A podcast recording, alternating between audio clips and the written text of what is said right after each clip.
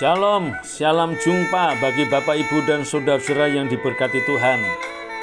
Mari kita melanjutkan renungan tentang sabda bahagia yang kedua yang diambilkan dari kitab Injil Matius pasal yang kelima ayat yang keempat. Berbahagialah orang yang berduka cita karena mereka akan dihibur.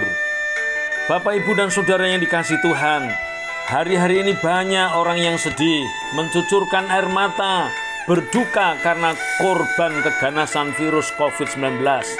Tidak pandang orang kaya atau miskin, orang berpangkat atau orang awam, orang berpendidikan atau buta huruf, bahkan umat atau rohaniawan. Orang bijak berkata, dunia ini lembah air mata, tempat tertumpahnya ratap dan tangis, karena harus berpisah dengan sahabat, dengan kerabat, dengan keluarga yang mendahului ke akhirat. Namun bagi orang yang beriman, kematian hanyalah perpisahan sementara. Karena jika kita memiliki iman yang sama di dalam Yesus, maka kita akan dipertemukan, dikumpulkan kembali, reuni bersama dengan Tuhan di surga. Ini merupakan penghiburan yang sejati yang bersumber dari Tuhan sendiri. Karena itu, sabar dalam penderitaan, bersukacita dalam pengharapan, bertekun di dalam doa. Saudara-saudara, Bapak Ibu yang diberkati Tuhan, sabda yang kedua tentang bahagia yang berkata, "Berbahagialah orang yang berduka cita, karena mereka akan dihibur."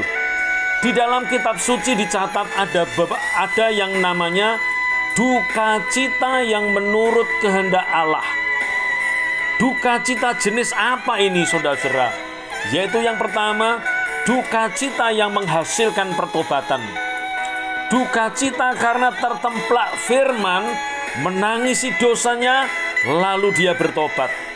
Di dalam kisah Rasul pasal yang kedua, ayat yang ke-37 dan ayat 38 berkata, Ketika mereka mendengar hal itu, hati mereka sangat terharu, berduka, Lalu mereka bertanya kepada Petrus dan rasul-rasul yang lain, "Apakah yang harus kami perbuat, saudara-saudara?"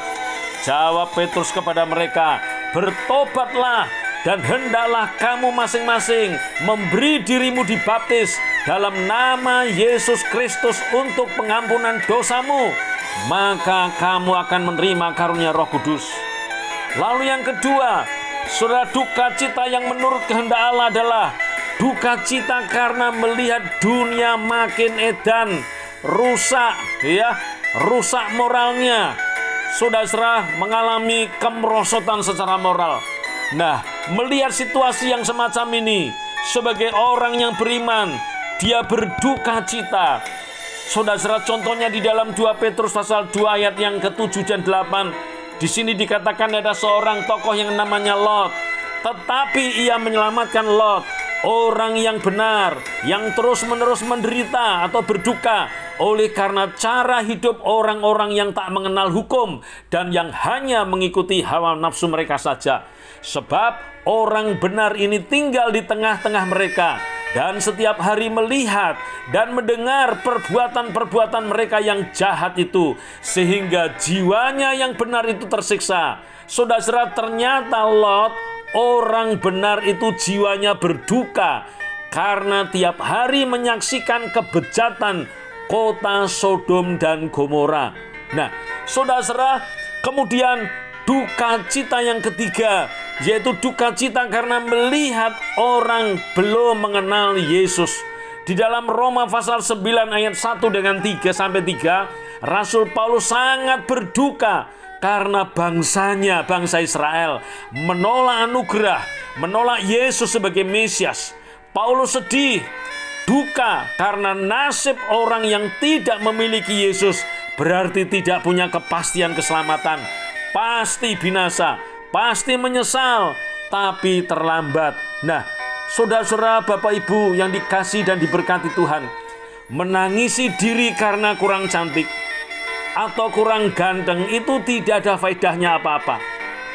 Menangisi diri karena kurang kaya tidaklah berarti banyak. Menangisi diri karena berbagai kesulitan yang kita hadapi itu hal biasa. tetapi menangisi dosamu, menangisi zaman yang menuju kehancuran, menangisi jiwa-jiwa yang belum diselamatkan, keluarga yang belum sepenuhnya ada di dalam Yesus. Inilah yang disebut duka cita menurut kehendak Tuhan. Mereka perlu kita doakan supaya mereka diselamatkan. Berbahagialah orang yang berduka cita karena mereka akan dihibur. Puji Tuhan, semangat, selamat berkarya, sukses, kasih setia Tuhan Yesus melindungi kita semuanya. Amin.